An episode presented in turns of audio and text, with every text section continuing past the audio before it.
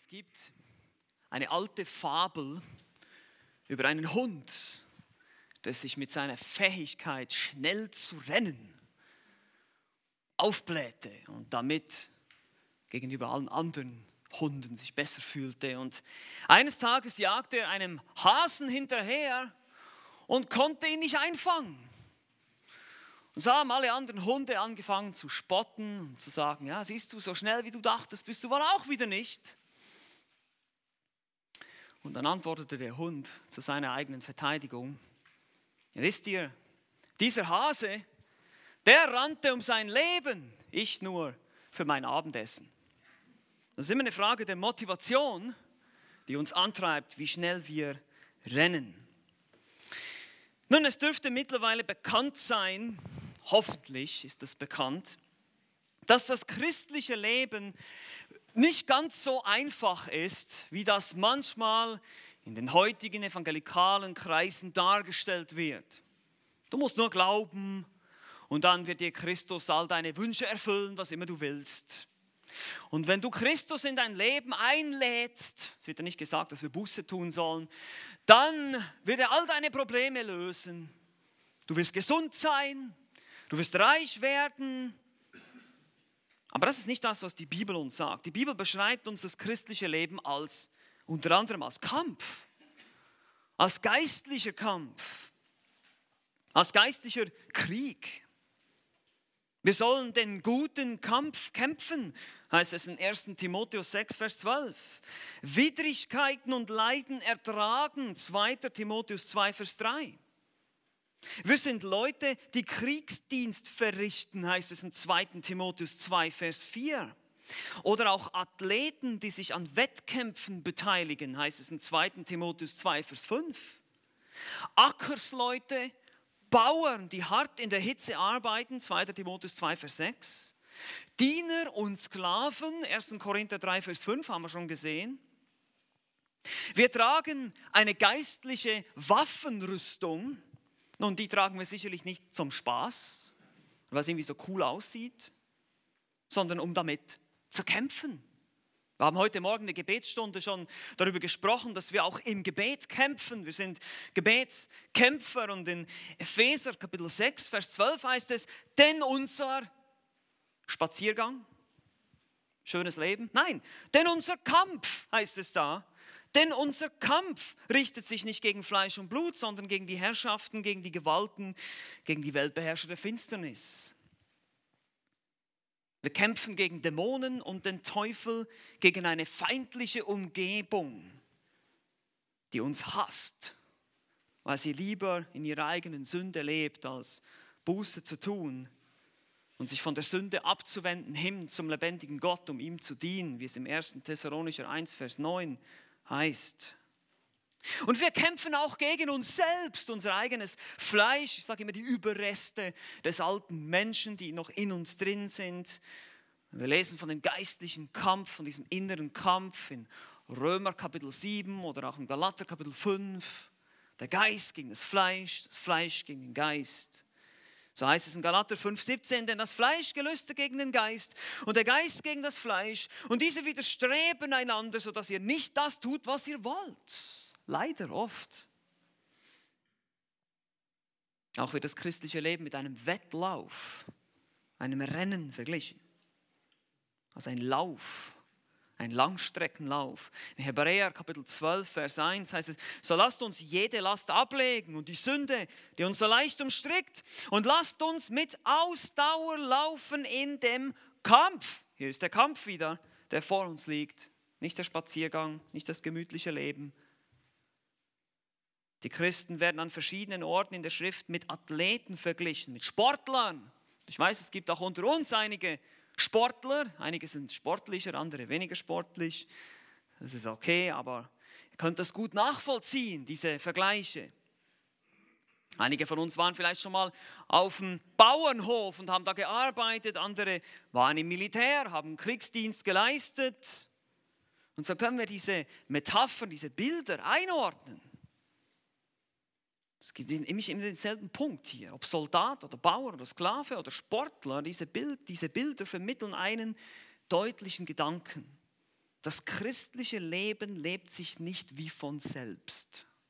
Einfach so auf mystische Art und Weise, wie uns das manchmal auch vorgegaukelt wird von einigen Kreisen, aus einigen vielleicht sogar Büchern oder Artikeln, die ihr gelesen habt, sogar Berühmtheiten, sage ich mal, christliche Bücher geschrieben haben, die sagen, ja, du musst einfach alles Gott abgeben und musst dich vom Geist leiten lassen und es wird dann schon alles irgendwie gehen, du wirst dich dann schon danach fühlen.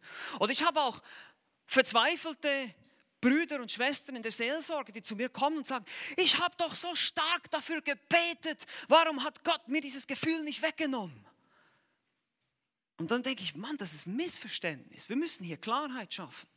Wir müssen aufpassen, dass wir nicht irgendwelchen mystischen Lehren auf den Leim gehen.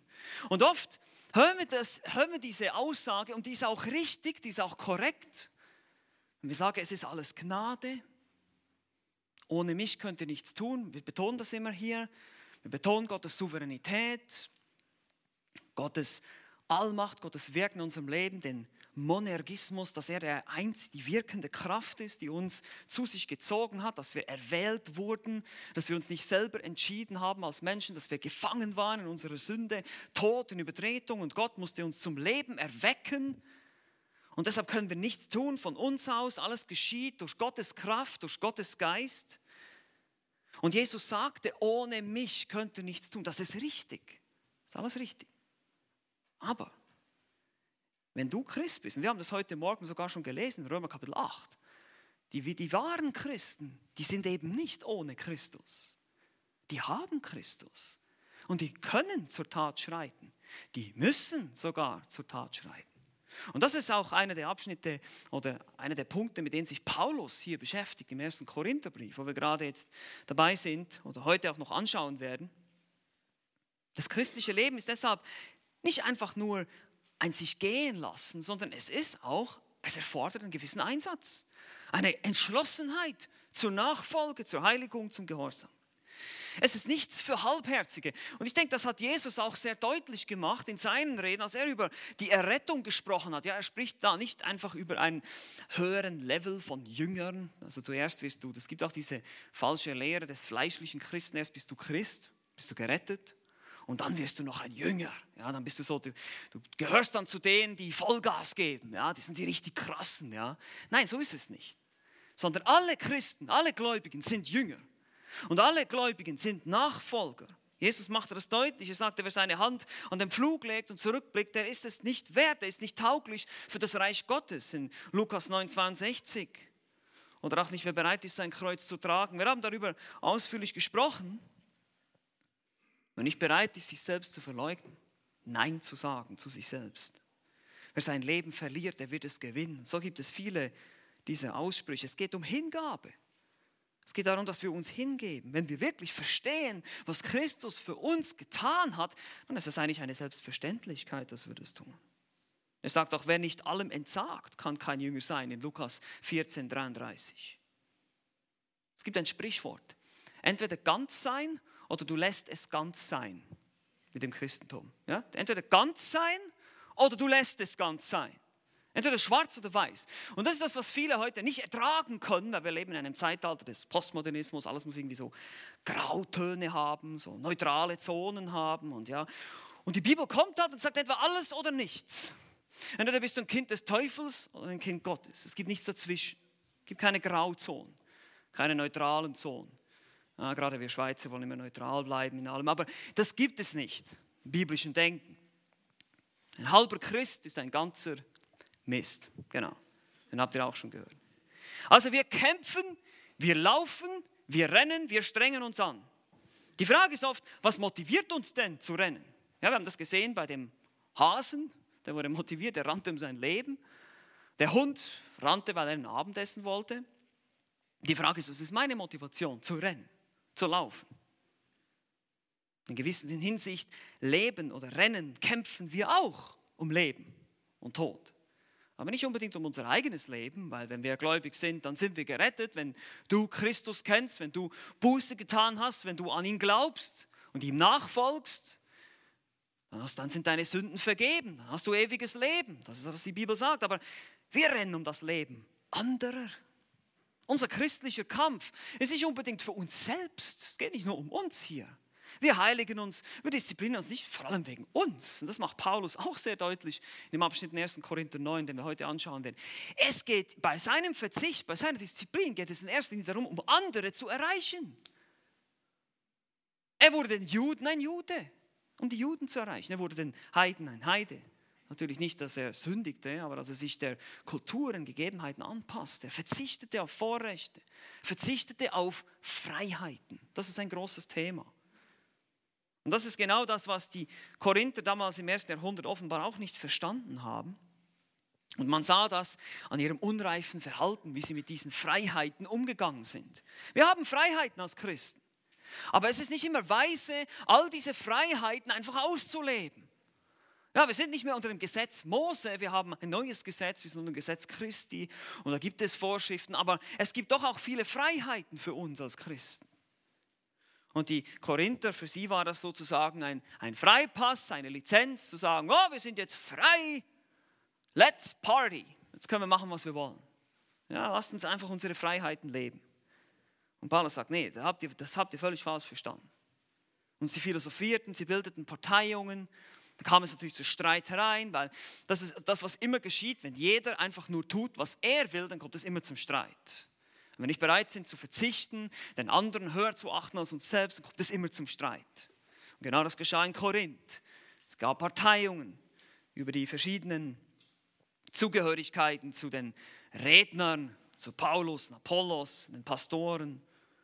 Und deshalb muss sie Paulus hier ziemlich streng ermahnen. Er muss ziemlich streng reingehen und sagen, das geht überhaupt nicht. Ihr müsst sofort damit aufhören. Das ging so weit, dass, dass sie einen Mann duldeten, der in grauenhafter Unzucht lebte und auch sonst den Gang zu Prostituierten einfach als ganz normal anschauten. Und er muss sagen, das geht überhaupt nicht. Ihr müsst aufwachen hier. Also wie so ein Ziegelstein an den Kopf. Ja, manchmal brauchen wir das, um aufzuwachen, einfach zu merken, boah, muss hier, ich lebe hier in, einem, in einer Welt, die nicht real ist, in einer Traumwelt. Ich muss aufwachen. Und an dieser Stelle hier wird dieser Brief wirklich zum Betonklotz. Es ist heftig, was er hier schreibt. Es ist sehr herausfordernd, was er hier schreibt. Es fordert mich heraus und es wird auch dich herausfordern.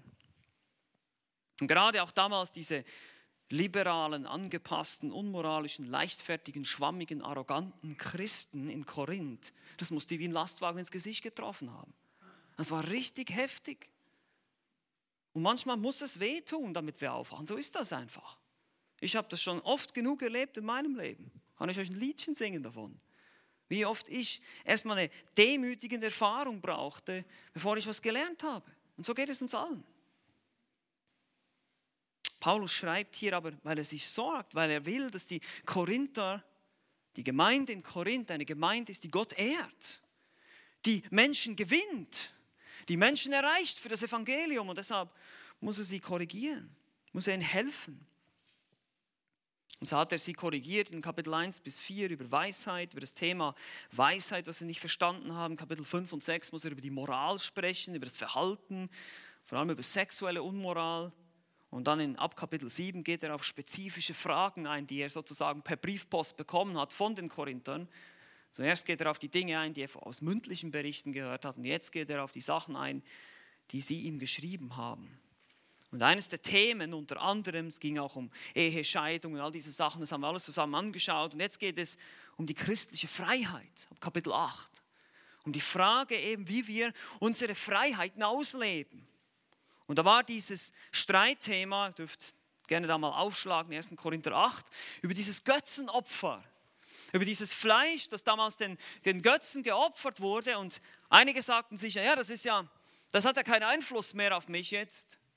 Ich weiß ja, dass es nur einen wahren Gott gibt und diese, diese Götzen, die existieren ja alle gar nicht. Also kann ich dieses Fleisch getrost essen. Und da gab es andere, die sich ein Gewissen machten.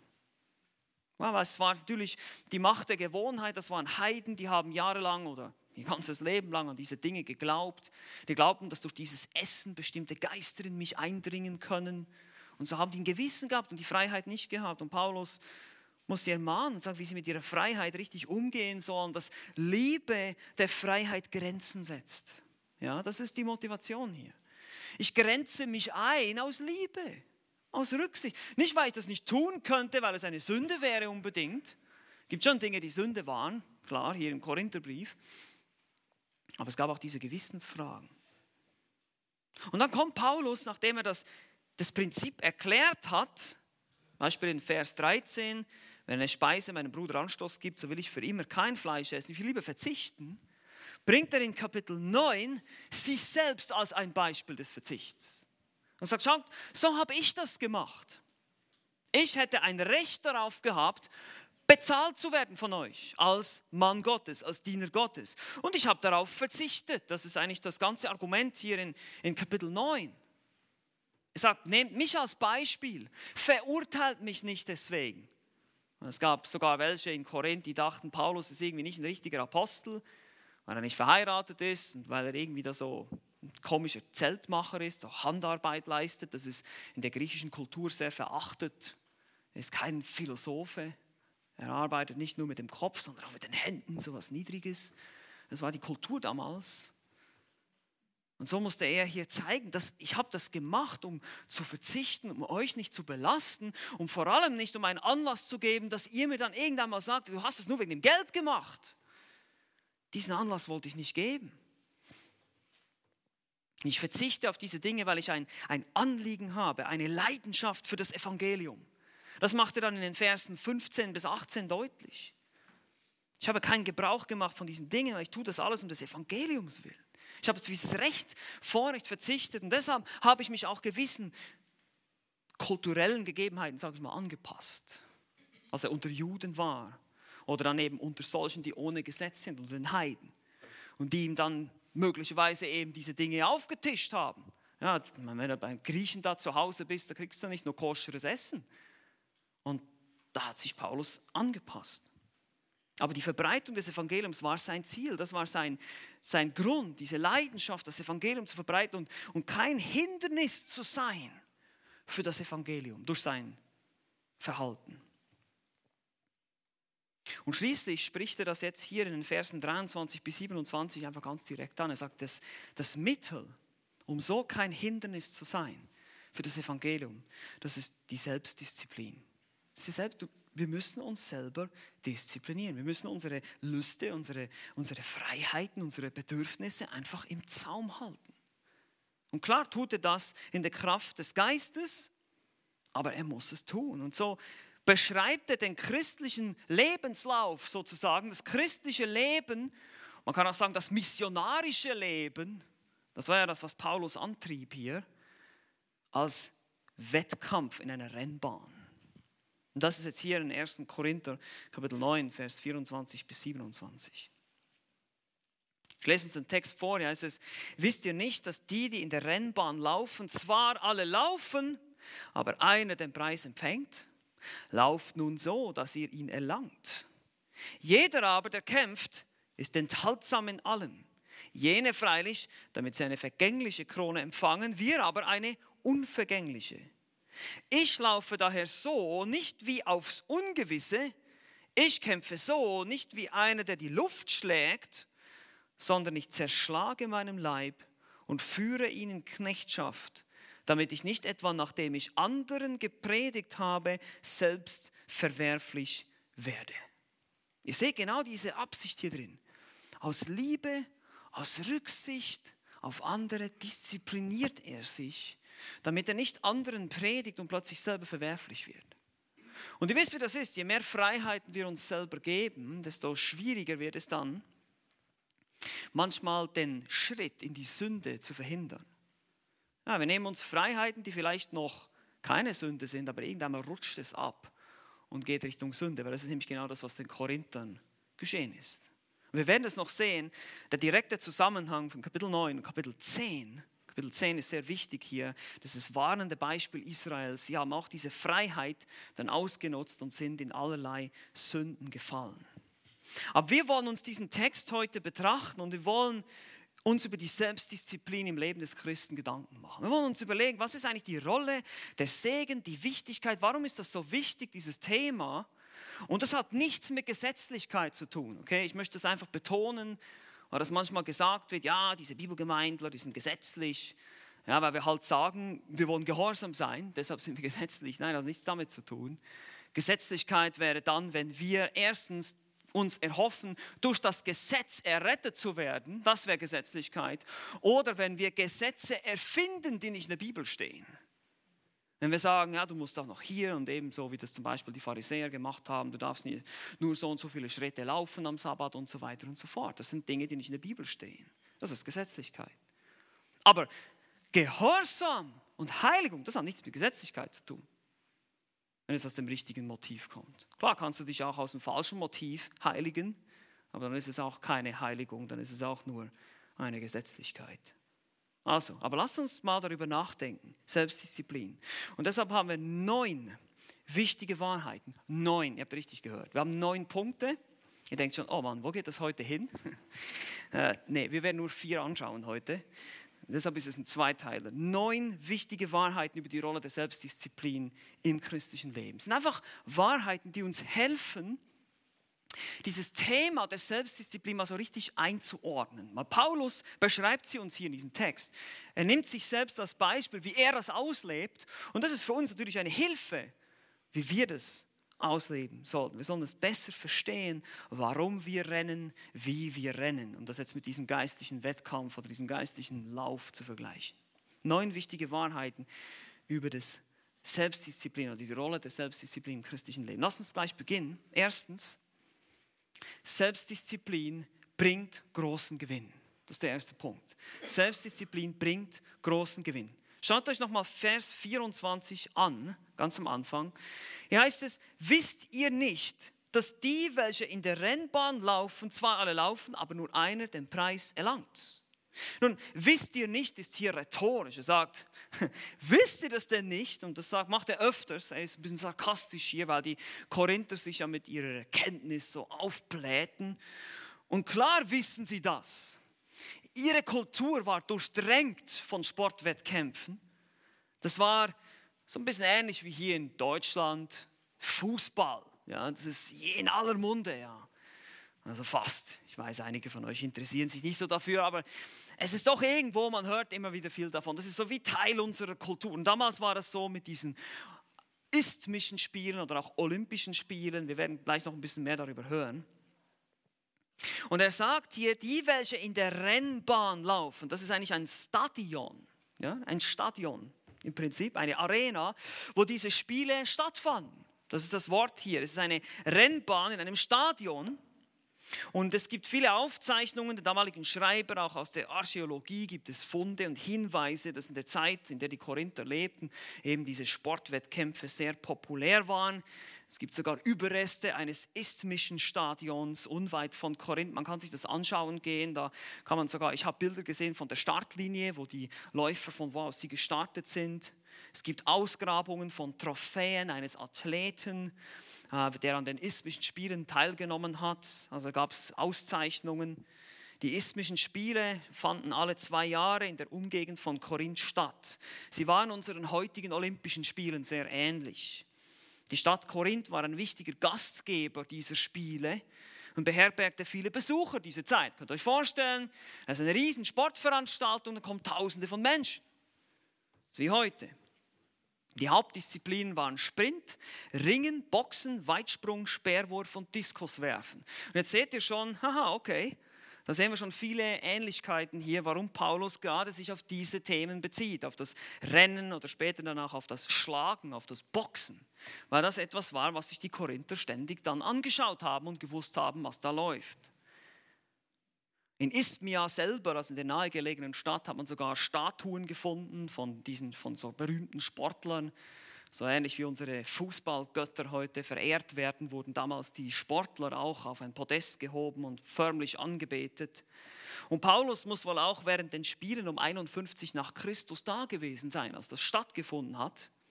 Damals war es auch so, dass es in der Stadt Korinth selber, es gab überhaupt generell in den Städten nicht viele Hotels, so wie wir das heute haben, Herbergen, sondern Menschen mussten als Gäste untergebracht werden oder in Zelten. Und jetzt könnt ihr euch vorstellen, Paulus als Zeltmacher hatte natürlich jede Menge zu tun, hier Zelte herzustellen für all diese ganzen Gäste, die kamen. Und die Sportbegeisterten hatte sicher auch viele Unterredungen und Möglichkeiten zur Evangelisation durch seinen Beruf. Und so kam es dazu, dass er sicherlich auch sehr viel Kontakt hatte mit den ganzen begeisterten Fans, die dann ständig über die Sportresultate, ihr kennt das, wenn irgendwelche Sportbegeisterten miteinander reden, ihr müsst nur zuhören und mit der Zeit wisst ihr auch, okay, die Mannschaft hat das gemacht und, und so wusste er genau Bescheid und er wusste auch, die Korinther wissen Bescheid und deshalb verwendet er hier jetzt dieses Bild. Er spricht hier von einer Rennbahn in einem Stadion. Und was tun diese Leute da? Zurück zu Vers 24. Sie laufen, sie rennen. Wörtlich hier, die in der Arena Laufenden, das ist charakteristisch. Das charakterisiert sie, das ist ihr Ding. Das ist das, was sie ausmacht. Und zwar laufen sie alle und einer von ihnen kriegt den Preis. Eine Auszeichnung für eine außergewöhnliche Leistung. Nun, wir sollten hier das Bild, das Paulus verwendet, nicht zu weit ausdehnen und zum Beispiel denken, dass die Christen, dass wir Christen jetzt gegeneinander antreten in einem Wettrennen und dann nur einer von uns den Preis gewinnt. Bei Paulus geht es hier gar nicht so sehr jetzt um diesen Preis, sondern es geht vor allem um die Anstrengung, die jemand sozusagen hervorbringt, um diesen Preis zu gewinnen. Ja, es geht um einen Preis, aber der Preis selber, den erringen wir alle, wenn wir gläubig sind aber es geht um die Anstrengung, die hineingesteckt wird, diesen Preis zu erreichen. Das ist der Vergleichspunkt hier. Er sagt im Prinzip, lauft so wie die Athleten im Stadion, die alle so sehr kämpfen, damit sie am Ende gewinnen. Strengt euch an. Und Paulus spricht sicherlich auch von der Gefahr, hier auch nur ein Mitläufer zu sein in der Gemeinde, weil wir sehen das im Kapitel 10 dann sehr deutlich in diesem Beispiel von Israel, dass es da in Israel oder in der Wüste, also das Volk in der Wüste war, eben auch Mitläufer gab, die gar nicht glaubten, die dann eben auch hingestreckt wurden. Nicht alle Israeliten gefielen Gott, heißt es da in Vers 5, Kapitel 10, Vers 5. Die meisten nicht. Sie sündigten, sie verließen denn die Wege Gottes und fielen in Götzendienst. Das ist auch eine Warnung hier. Nur weil du dabei bist, heißt es nicht, dass du automatisch gewinnst. Nur weil du Christ geworden bist, selbst wenn du ein echter Christ bist, heißt es noch lange nicht, dass du dann den Preis bekommst, im Sinne einer Auszeichnung beim Preisgericht. Ihr wisst, es wird ein Preisgericht geben. Christus wird Preise verteilen. So ist das. Im 1. Korinther 3 könnt ihr das nachlesen. Wir werden für unsere Treue im Dienst belohnt, zum Beispiel. Also nur weil du Christ bist, heißt es auch automatisch nicht einfach, dass du gerade einfach automatisch läufst und dann auch den Preis gewinnst. Dabei sein ist nicht alles. Es geht um einen Preis. Und das ist das, was wir uns erstmal hier äh, Gedanken machen wollen, in der ersten Anwendung. Selbstdisziplin ist nicht sinnlos. Wir machen das nicht umsonst wenn sie nach den Regeln geschieht. Wie Paulus sagt auch in 2 Timotheus 2, Vers 5, und wenn sich auch jemand an Wettkämpfen beteiligt, so empfängt er doch nicht den Siegeskranz, wenn er nicht nach den Regeln kämpft. Nach den Regeln, die uns Christus gibt, die geistlichen Gnadenmittel, die wir einsetzen können in unserem geistlichen Wettkampf. Christus wird uns für unsere Treue belohnen. Im 2. Korinther 5, Vers 10 heißt es, denn wir alle müssen vor dem Richterstuhl des Christus offenbar werden. Dieser Richterstuhl, das ist effektiv ein Richterstuhl eines Preisrichters bei athletischen Spielen. Das ist genau der Gedanke hier. Damit jeder das empfängt, was er durch den Leib gewirkt hat, es sei gut oder böse, es sei gut oder schlecht. Entweder wirst du Lohn verlieren oder du wirst Lohn bekommen. Es soll uns Ansporn geben diese Tatsache. Hey, es gibt einen Preis zu gewinnen. Ich meine, ihr kennt das, wenn ihr irgendwo ein Spiel spielt, weiß ja nicht, keine Ahnung, und dann gibt es keinen Preis. Ich meine, wo ist da der Reiz? Aber wenn wir sehen, oh wow, da gibt es was zu gewinnen, dann sind wir doch alle irgendwie so ein bisschen gereizt und sagen, ah, komm, lass uns das mal probieren. Und dieser Richterstuhl hier wird uns ebenso beschrieben. Es wird einen Preis geben. Also die Nachfolge der Verzicht jetzt hier bei Paulus, wie er verzichtet, ist nicht einfach so umsonst, einfach so sinnlos, ah, um der Disziplin, um der Disziplin willen, sondern Paulus weiß, es gibt hier einen Preis. Sein Leben wird beurteilt werden, genauso deins und meins. Und klar, wir als Gläubige kommen wir nicht in die Hölle, wir werden nicht mehr für unsere Sünden verurteilt, aber doch gibt es immer noch eine Beurteilung von jedem Einzelnen von uns. Lasst uns das nicht vergessen. Und das ist das, womit Paulus die Korinther auch anspornt. Er sagt, hey Leute, euer Leben, ihr seid jetzt nicht einfach frei zu sündigen und zu machen, was ihr wollt, sondern euer Leben wird beurteilt werden von einem Preisrichter. Lauft so, dass ihr diesen Preis gewinnt. Es geht um die Wurst. Ihr habt nur ein Leben. Verschwende es nicht. Sei treu. Es wird einen Preis dafür geben. Und die Menschen um uns herum mögen uns auslachen und verachten und sagen, ja, schau dir mal an, diese Christen, ja, müssen auf alles verzichten. Eigentlich wollen wir das ja auch. Wir wissen ja, dass es schlecht ist, Sünde und all diese Dinge. Er macht keine Karriere, hat nicht viel Geld und er, steckt, er holt nicht alles aus dem Leben raus. Es geht doch darum, Spaß zu haben. Was ist denn das für ein Leben? Nun, wir schauen auf den Lohn. Wir schauen auf das, was in der Ewigkeit kommen wird. Wir haben nicht diese irdische Perspektive, wir schauen darüber hinaus, über den Tod. Du möchtest, ich möchte eines Tages die Worte hören, gut so, treuer Knecht, oder nicht? Wer möchte das nicht hören? Aber auch ganz wichtig, wie gesagt, Selbstdisziplin bringt großen Gewinn, nicht nur in der Zukunft, nicht nur vor dem Richterstuhl Christi, sondern auch hier in diesem Leben schon bringt Disziplin Gewinn. Hm, überlegt euch mal Folgendes. Jetzt mal ganz allgemein gesprochen, im weltlichen Leben, wenn ihr die Menschen beobachtet und, und seht, selbst in der Welt, wenn jemand erfolgreich ist, wenn jemand irgendwas gut kann, sei das ein, ein Pianist, der exzellent spielt, ein Sportler, ein, egal was ihr nehmen wollt, all diese Leute haben diese Dinge nicht einfach nur, weil das ihnen einfach so in den Schoß gefallen ist. Klar gibt es Talente und Gaben, das wissen wir, manche sind musikalisch begabt, andere weniger. Aber das heißt nicht, dass diese Leute nie üben mussten, nicht hart trainieren mussten für ihre Leistung.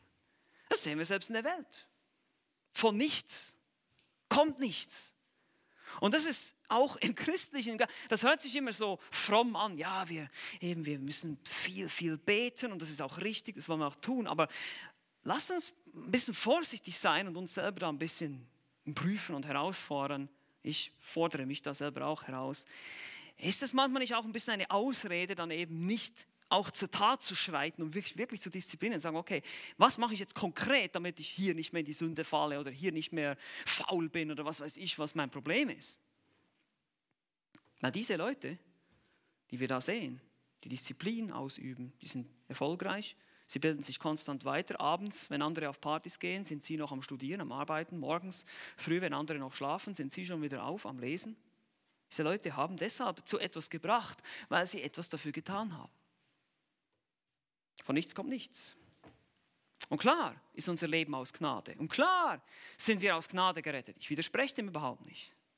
Und trotzdem, wenn du, wenn ich, wenn wir als Christen ein siegreiches Leben führen wollen, siegreich über Sünde, Sieg haben wollen über Sünde, geht es nicht ohne Disziplin, geht nicht ohne Anstrengung. Es führt kein Weg darum herum und das ist der zweite Punkt.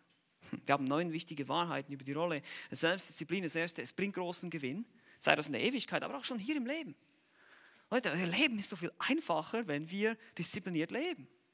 Es ist so viel einfacher, wenn wir wissen, wie wir diszipliniert mit unserem Geld umgehen können, wie wir diszipliniert mit unserer Zeit umgehen können. Das ist viel einfacher, das Leben eigentlich. Also es bringt großen Gewinn. Und jetzt zweitens, Selbstdisziplin gehört dazu. Das ist 24b, also der Schluss von Vers 24. Da heißt es, Lauft so, dass ihr ihn erlangt. Lauft so, dass ihr ihn in Besitz nehmen könnt. Die Idee hier, dass ihr ihn empfangen könnt, diesen Preis. Und der Preis hier ist eben gesagt. Und Paulus geht nicht detailliert darauf ein, aber im Kontext des Korintherbriefes ist es die Errettung und natürlich auch die Auszeichnung vor dem Richterstuhl, weil davon hat er auch schon gesprochen in Kapitel 3 um die Korinther zu motivieren oder ihnen auch zu zeigen, hey, euer Leben wird eines Tages beurteilt werden. Lauft so ist hier ein Befehl, ist keine Option. Und das ist ein Präsens, das wird ständig, ihr sollt ständig so laufen, dass ihr den Preis gewinnt. Wie gesagt, die Idee ist hier einfach, lauft wie ein Athlet, der unbedingt gewinnen will. Lauft wie ein Gewinner. Das ist das Ziel. Das ist das, wo, wo Paulus uns hier an, anspornen und ermutigen möchte. Wer sich Christ nennt und mitlaufen will, aber sich nicht an die Regeln hält, der wird disqualifiziert. Wenn wir nicht nach den Regeln kämpfen, dann werden wir disqualifiziert. Dann werden wir vielleicht vorzeitig weggenommen. Das haben wir auch gesehen, sehen wir auch bei den Korinthern. Oder vielleicht bist du gar kein Christ, dann wird es noch natürlich völlig unmöglich zu laufen und sich zu disziplinieren in der Art und Weise. Oder du wirst schweren Schaden erleiden beim Preisgericht. Renne, einer, renne wie einer, der Erster sein will. Wir müssen verstehen, in damaligen Wettkämpfen gab es keinen zweiten und dritten Platz, so wie heute. Ne? Es gab keine Bronzemedaille und keine Silbermedaille, sondern es gab nur Gold. Und dieses Gold war kein Gold, das war einfach ein Kranz. In so, eine, in so ein Kraut, ja, irgendwie Sellerie, glaube ich sogar, irgendwas, Pinien, so ein Kranz auf dem Kopf. Ja? Das war die Auszeichnung. Deshalb spricht Paulus auch von einem vergänglichen Kranz. Ja, vergänglich, das sieht man dem Ding schon an, dass es bald verwittert. Aber er sagt, wenn du ein echter Christ bist, dann gehört das dazu. Das ist sozusagen Teil der Verpackung. Ja, du kannst nicht Christ sein und denken, du musst dich nicht disziplinieren. Das, das passt nicht zusammen. Er sagt, dann lauft so, dass ihr erlangt. Das, ihr, ich will, dass ihr alle diesen Preis erlangt, sozusagen. Der Christ muss also nicht nur auf die richtige Art und Weise beginnen, indem du Buße tust, das Evangelium glaubst, Christus vertraust, dass er deine Sünden vergibt, sondern auch in der richtigen Art und Weise weitermachen. Und das ist, das ist eigentlich der viel schwierigere Teil, weil ihr wisst, wie das ist. Man nimmt sich irgendwas vor. Ich werde jetzt nächste Woche früher aufstehen, jeden Morgen und stille Zeit machen. Ich nehme jetzt ein ganz einfaches Beispiel.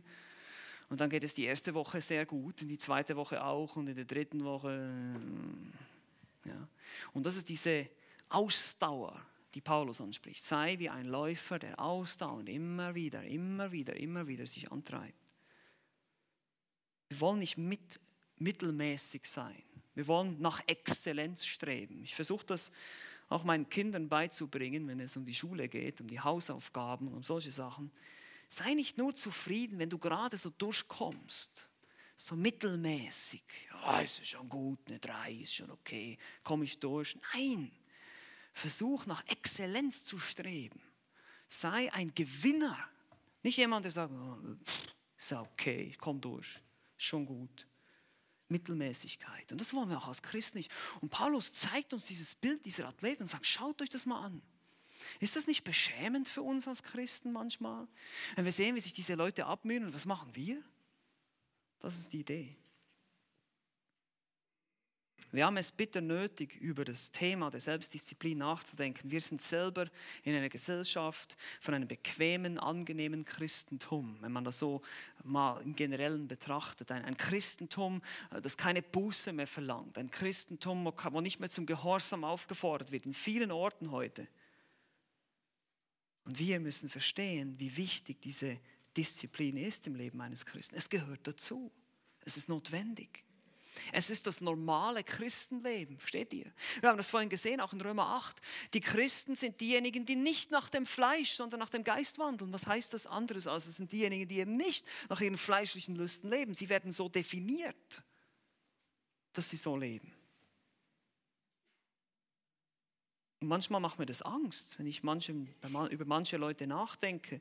Es wird ja auch gewarnt vor dem Jesus sagt das, der felsige Boden, auf dem gestreut wird, diese Begeisterung und Halleluja, endlich habe ich eine bibeltreue Gemeinde gefunden, wunderbar, diese Lehre hier, super.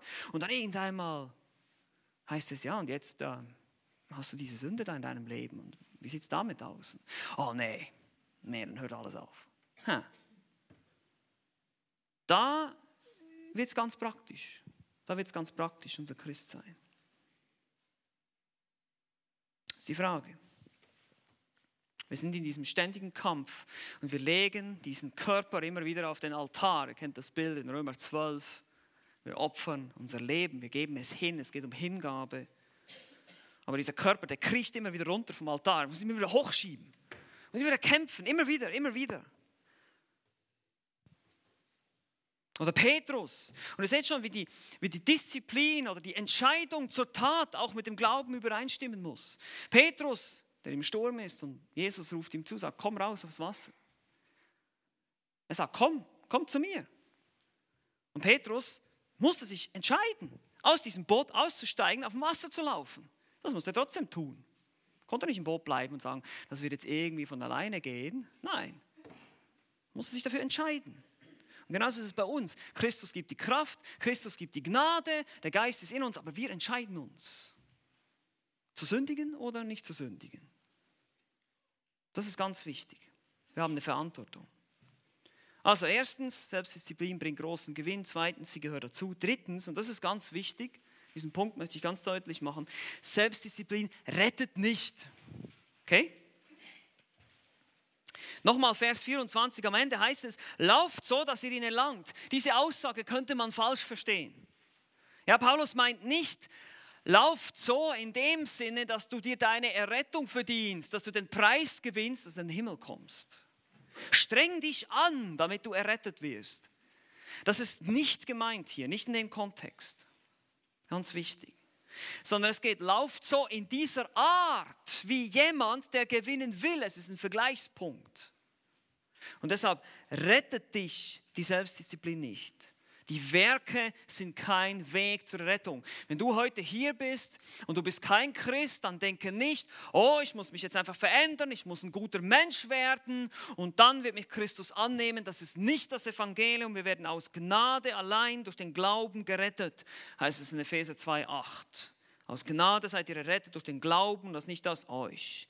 Deshalb, Selbstdisziplin rettet nicht, aber es ist eine Folge einer wahren Errettung. Galater 5, 22, die Frucht des Geistes aber ist Liebe, Freude, Friede, Langmut, Freundlichkeit, Güte, Treue, Sanftmut, Selbstbeherrschung. Also diese Disziplin, sogar der Wille zu sagen, ich möchte jetzt aufhören mit dieser Sünde oder mit dieser schlechten Gewohnheit oder mit diesem Hindernis. Vielleicht sogar mit diesem hinder, behindernden Hobby, das ich habe, das so viel Zeit wegnimmt, dass ich keine Zeit für die Gemeinde habe. Hindernisse aus dem Weg räumen, Dinge, die mich behindern. Das müssen nicht Sünden sein, meine Lieben. Es können Dinge sein, äh, wir sagen immer wieder, es ist nicht verboten, mit 50 Kilo schweren Gewichten an einem Wettlauf teilzunehmen, nur wirst du auf keinen Fall gewinnen. Ja, das kannst du machen. Aber das ist nicht weise. Und deshalb müssen wir uns auch von Dingen befreien, die uns hindern. Aber diese Selbstbeherrschung, die wird durch den Geist hervorgerufen. Wir wollen uns disziplinieren, wir wollen verzichten, um den anderen zu dienen, um Menschen zu erreichen. Wir haben eine völlig neue Ausrichtung, wir haben ein völlig neues Denken. Dieses Denken schenkt uns Gott durch seinen Geist. Das ist eine Veränderung, die zuerst in Gedanken beginnt, im Herzen beginnt und dann natürlich sich darin äußert, dass ich mich disziplinieren werde. Ich hoffe, das ist wirklich ganz wichtig, dass wir uns das hier richtig verstehen. Es ist keine Werksgerechtigkeit. Aber es ist eine direkte Folge, eine direkte Frucht, nebst all den anderen Dingen, die wir auch lesen. Liebe, Freude, Friede, Lammut, Freundlichkeit, das sind auch alles Aspekte der Frucht des Geistes, der Geist in uns produziert. Und so auch diese Selbstbeherrschung. Du bist eine neue Schöpfung, du willst das tun. Gott hat dir die Gnade gegeben, dich zu disziplinieren. Und deshalb ist es so wichtig zu verstehen, wenn wir sagen, ich kann nicht, dann ist das eine Lüge. Okay? Wir müssen das verstehen. Das ist eine befreiende Wahrheit.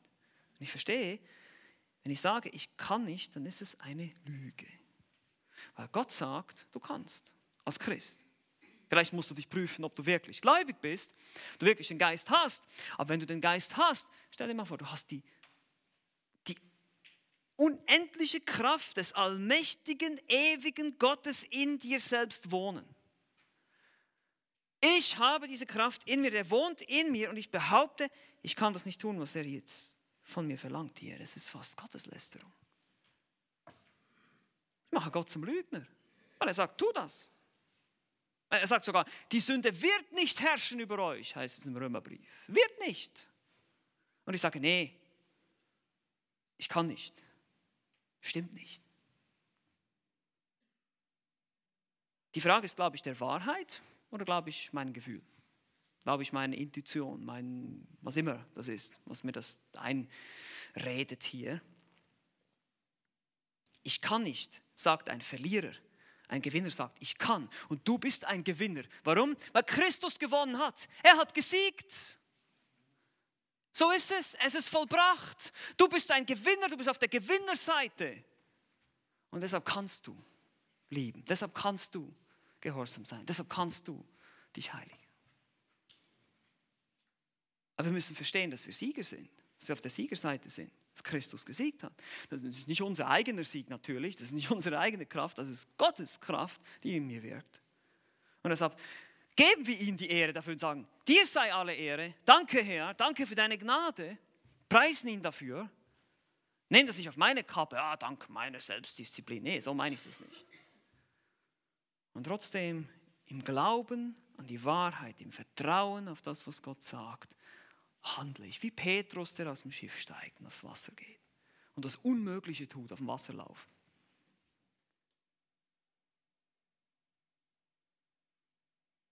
Wir haben eine geistliche Waffenrüstung, die wir tragen. Wir haben alles bekommen, was wir brauchen zum Leben in Gottseligkeit. Wir müssen uns entscheiden, zur Tat zu schreiten. Also, ganz wichtig, neun wichtige Wahrheiten über die Rolle der Selbstdisziplin im christlichen Leben. Erstens, Selbstdisziplin bringt großen Gewinn. Sie gehört dazu, ist zwar Teil des Pakets, sozusagen, Teil der Erlösung. Das ist ein Segen. Und Selbstdisziplin rettet nicht. Das ist nicht der Weg zur Erlösung, sondern es ist die Frucht, das Ergebnis. Jetzt kommt der vierte Punkt noch. Vierte Wahrheit, die wir verstehen müssen. Selbstdisziplin ist ein Kampf. Vers 25, ganz am Anfang heißt es jetzt, jeder aber, der kämpft. Bis hierher erstmal. Jeder, der kämpft, eben wie gesagt, nicht spaziert, nicht geführt wird, sich danach zu fühlen. Bei den Sportlern ist es auch nicht so, die fühlen sich auch nicht immer danach, jetzt hier alles zu geben und sich voll auszupumpen. Und diejenigen unter uns, die Sport treiben, die das regelmäßig machen, egal wie intensiv, die wissen, wie das ist. Man muss jeden Tag wieder neu seinen inneren Schweinehund überwinden und sagen, ich gehe jetzt raus und ich laufe jetzt. Das gehört genau, genau das Bild verwendet Paulus hier als Beispiel. Jeder, der sich an einem Wettkampf beteiligt, der kämpfend ist, es ist ein Präsenzpartizip, es es ist ein beständiger, andauernder Kampf. Jeder, der beständig, andauernd kämpfend ist. Und das, das Verb hier ist agonisomai, von Agonie. Wir haben das deutsche Wort Agonie, also eigentlich ein Todeskampf, ein heftiger, andauernder Kampf bis zur Erschöpfung. Mein Lieben, manchmal kann uns das richtig müde machen den ganzen Tag gegen die Sünde zu kämpfen, den ganzen Tag, es ist die Kunst, 10.000 Mal am Tag Nein zu sagen zu einer bestimmten Sache. Und das macht uns müde, das ist erschöpfend. Wenn wir wirklich diesen Kampf kämpfen gegen unser Fleisch, gegen den Teufel und gegen dieses weltliche System, dann werden wir müde. Das ist ein Kampf, das ist eine Agonie. Wie gesagt, das geht nicht von alleine. Das müssen wir verstehen. Es gehört nicht nur einfach dazu, sondern es ist auch noch sehr anstrengend. Es ist nicht einfach. Und deshalb brauchen wir einander, deshalb müssen wir einander anspornen zu guten Werken, deshalb müssen wir einander helfen, weil wir alle schwach werden. Deshalb können wir nicht das alleine machen als Einzelkämpfer, sondern als Gemeinde. Du bist wie ein Gladiator in der Arena, wie ein Boxer, wie ein Ringkämpfer. Das sind genau die Bilder, die Paulus hier auch im Kopf hat. Ich meine, habt ihr euch, weiß ich, ob ihr euch mal einen Boxkampf angeschaut habt? Oder Thai-Boxen. Das, das ist blutig, das ist brutal, das ist richtig, geht richtig zur Sache. Das sind, das sind die Bilder, die Paulus hier im Kopf hat. Da ging es richtig zur Sache. Und was heißt das für uns? Das ist natürlich kein, körperlicher Kampf hier, wir gehen jetzt nicht alle aufeinander los, hier machen Wrestling-Turnier. Es ist nicht die Idee, sondern es ist ein geistlicher Kampf, es ist ein Bild für einen geistlichen Kampf hier für uns. Wir tun dasselbe im Geistlichen. Aber es hilft uns, dieses Bild des Kampfes hilft uns besser zu verstehen, wie das aussieht im Geistlichen. Weil das Geistliche ist für uns immer schwierig, es ist abstrakt, es ist nicht, es ist nicht konkret, es ist nicht greifbar, es sind Wahrheiten, die weit über unseren Verstand gehen. Deshalb benutzt die Bibel oft Bilder, um uns das zu verdeutlichen. Das macht es für uns irgendwie greifbarer vorstellbarer. Wir verstehen alle, was ein, was ein Sportler tun muss, um seine Muskeln zu trainieren, um im Kampf zu bestehen. Wir verstehen das Bild. Was heißt das für uns? Nun, hier als Anwendung noch in diesem Punkt hier, dass es ein Kampf ist. Erstens, du kannst nicht erwarten, dass es einfach ist. Ja, das ist, sollte jetzt jedem klar sein. Wir, wir können nicht erwarten, dass die Heiligung eine einfache Sache ist. Etwas, das wir einfach so aus dem Ärmel schütteln, so, wie von alleine geht. Wir müssen arbeiten an uns selbst. Sei das, wenn es um den Verzicht geht, wie Paulus jetzt hier in diesem Kontext, oder auch in allen anderen Dingen. Deshalb zum Beispiel in der Seelsorge geben wir Hausaufgaben. Du musst an dir arbeiten, du musst willig sein, diese Dinge zu tun. Du kannst nicht einfach erwarten, dass wir dir eine Pille geben und dann schrupp ist alles wunderbar. So geht das nicht. So geht es nicht.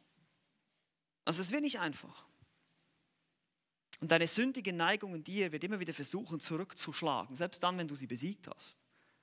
Es gibt dieses Bild von diesen Hunden, der schwarze Hund und der weiße Hund. Und wenn wir den schwarzen Hund füttern, dann füttern wir die Sünde. Und jetzt müssen wir aufhören, diesen schwarzen Hund zu füttern. Der, der muss langsam verhungern und schwach werden. Aber der wird irgendwann mal wieder, wieder versuchen anzugreifen und wieder probieren. Der, der gibt nicht so schnell auf. Und deshalb zweitens, du kannst nicht erwarten, dass es einfach wie von selbst geht. Es erfordert Anstrengung. Wie gesagt, hier der, der, der Athlet in der, in der Rennbahn, der strengt sich an, der kämpft, der pumpt sich regelrecht aus. Er gibt das Letzte. Ja, wir waren gestern Fußball spielen mit einigen, ähm, Samstagnachmittag, wir waren ungefähr drei Stunden am Spielen und dann bis am Ende muss man schon richtig sich auspumpen, wenn man noch irgendwas erreichen will. Also ihr könnt euch das vorstellen, so bis zum letzten Tropfen noch, bis die Ziellinie irgendwann in Sicht ist und Anstrengung. Jesus verdeutlichte dasselbe, als er sagte, dass wir zum Beispiel bereit sein sollen, uns Gliedmaßen abzuhacken. Auch nur ein Bild für einfach radikale Maßnahmen, wenn es um die Nachfolge geht. Konkret. Und drittens, dritte Anwendung, erwarte nicht, dass es aufhören wird.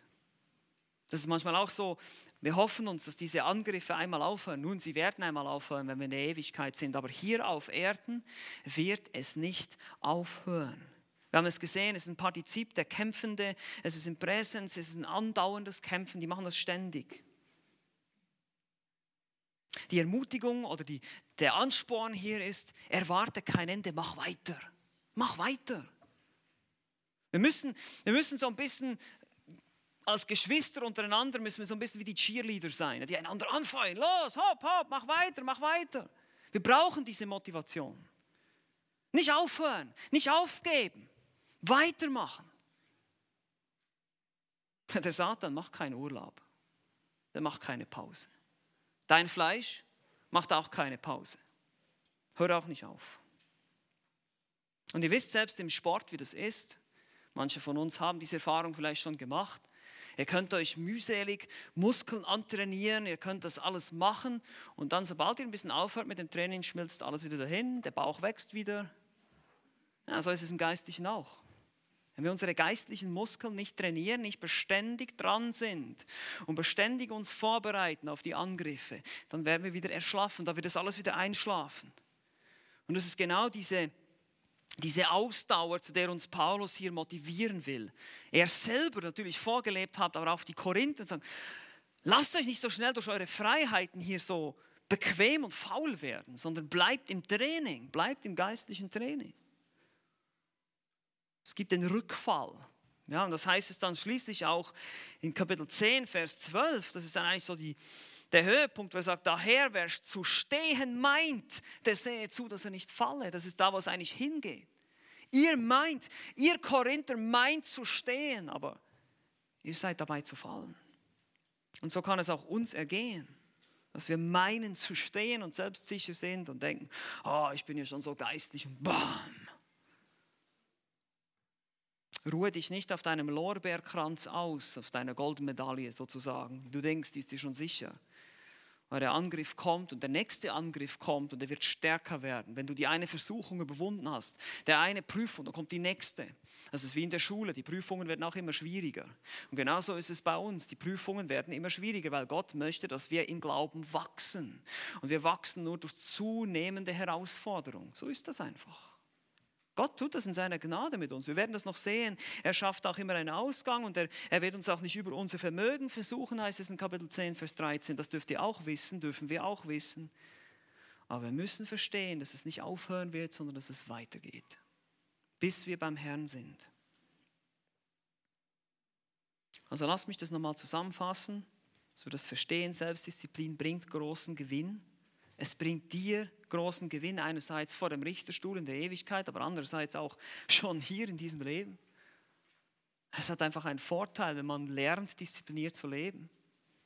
Selbstdisziplin gehört dazu. Es ist wie Teil des Pakets. Ein, ein wahrer Christ ist ein disziplinierter Mensch. Es ist ein Mensch, der nicht einfach nach all seinen Lüsten lebt und nach Lust und Laune lebt. Das, das wird uns überall deutlich gemacht in der Schrift.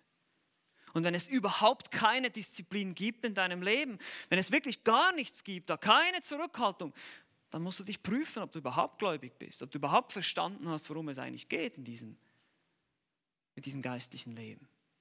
Dass wir uns selber prüfen, so wie Paulus am Ende im 2. Korinther 13 sagt, prüft euch selbst. Selbst bei den Korinthern geht er davon aus, dass einige wahrscheinlich nicht gläubig sind, dass einige wahrscheinlich nicht errettet sind. Es ist möglich, dass sie nur mitläufen. Wenn es so eine unmoralische Masse ist von Leuten, dann kann es sehr gut sein, dass einige da drin sind, die nicht wiedergeboren sind. Dann tu Buße und glaube an das Evangelium, glaube an Jesus Christus. Er ist dein Retter. Du wirst nur durch seine Gnade gerettet. Und dann gibt er dir seinen Geist und dann wirst du beginnen können, diese Dinge zu tun. So zu leben, wie er das möchte. Wie gesagt, Selbstdisziplin rettet nicht. Es ist der Glaube allein, der uns rettet. Und schließlich denke daran, es ist ein Kampf. Vergiss das nicht. Vergiss nicht, es geht, es ist, ich sage auch immer, es ist ein Langstreckenlauf, es ist ein Marathon, das christliche Leben. Es ist, kein, es ist nicht einfach so mal ganz kurz eine Anstrengung und dann habe ich es geschafft, sondern es ist etwas, was ich mit Ausdauer immer und immer wieder jeden Tag tun soll. Schütze dich vor dem Einschlafen und der Selbstsicherheit, weil das ist genau das, was die Korinther hier erlebt haben und das kann auch uns sehr schnell passieren. Lasst uns uns schützen vor dem Einschlafen und der Selbstsicherheit, der Selbstgenügsamkeit. Ja, ich bin schon okay. Das ist sehr, sehr gefährlich. Lasst uns das alle lernen und beim nächsten Mal werden wir uns die restlichen Punkte noch anschauen. Lasst uns auch gemeinsam beten. Herr Jesus Christus, wir danken dir für dein Evangelium, danke für deine Erlösung, danke für deine Gnade. Danke, dass du uns gerettet hast, indem du dich selbst für uns dahingegeben hast, als ein Opfer für unsere Sünden, dass wenn wir an dich glauben, dass wir gerettet sind, dass wir ewiges Leben haben. Aber mehr als das, das ewige Leben beginnt schon hier. Es ist eine neue Qualität des Lebens, in der wir wandeln können und dürfen. Und wir dürfen lernen, uns zu disziplinieren, den alten Menschen abzulegen und in diesem neuen Leben zu wandeln. Und hilf uns auch, das Bild des Sportlers, des des Läufers in der Rennbahn vor Augen zu haben, der läuft und läuft und mit Ausdauer weiterläuft bis zum Ziel. Und hilf jedem von uns, ermutigt zu sein, weiterzumachen. Und wenn wir versagen, wenn wir sündigen, dass wir wieder aufstehen, dass wir um Vergebung bitten, uns reinigen lassen, Dinge in Ordnung bringen und weitermachen. Dass keiner von uns liegen bleibt. Und dass auch keiner von uns zurückbleibt als ein Ungläubiger, mit einem bösen Herzen, so wie es im Hebräerbrief steht, sondern dass alle zur Erkenntnis der Wahrheit kommen, dass alle wirklich dabei sein können, dürfen. Danke für deine Gnade, danke, dass du zu uns sprichst, Herr, dass du uns herausforderst durch dein Wort. Bitte hilf uns, das mitzunehmen die nächste Woche und darüber nachzudenken, wie wir das in unserem Leben auch konkret umsetzen können. Danke für deine Güte, die uns befähigt, diesen Dingen nachzukommen. In Jesu Namen.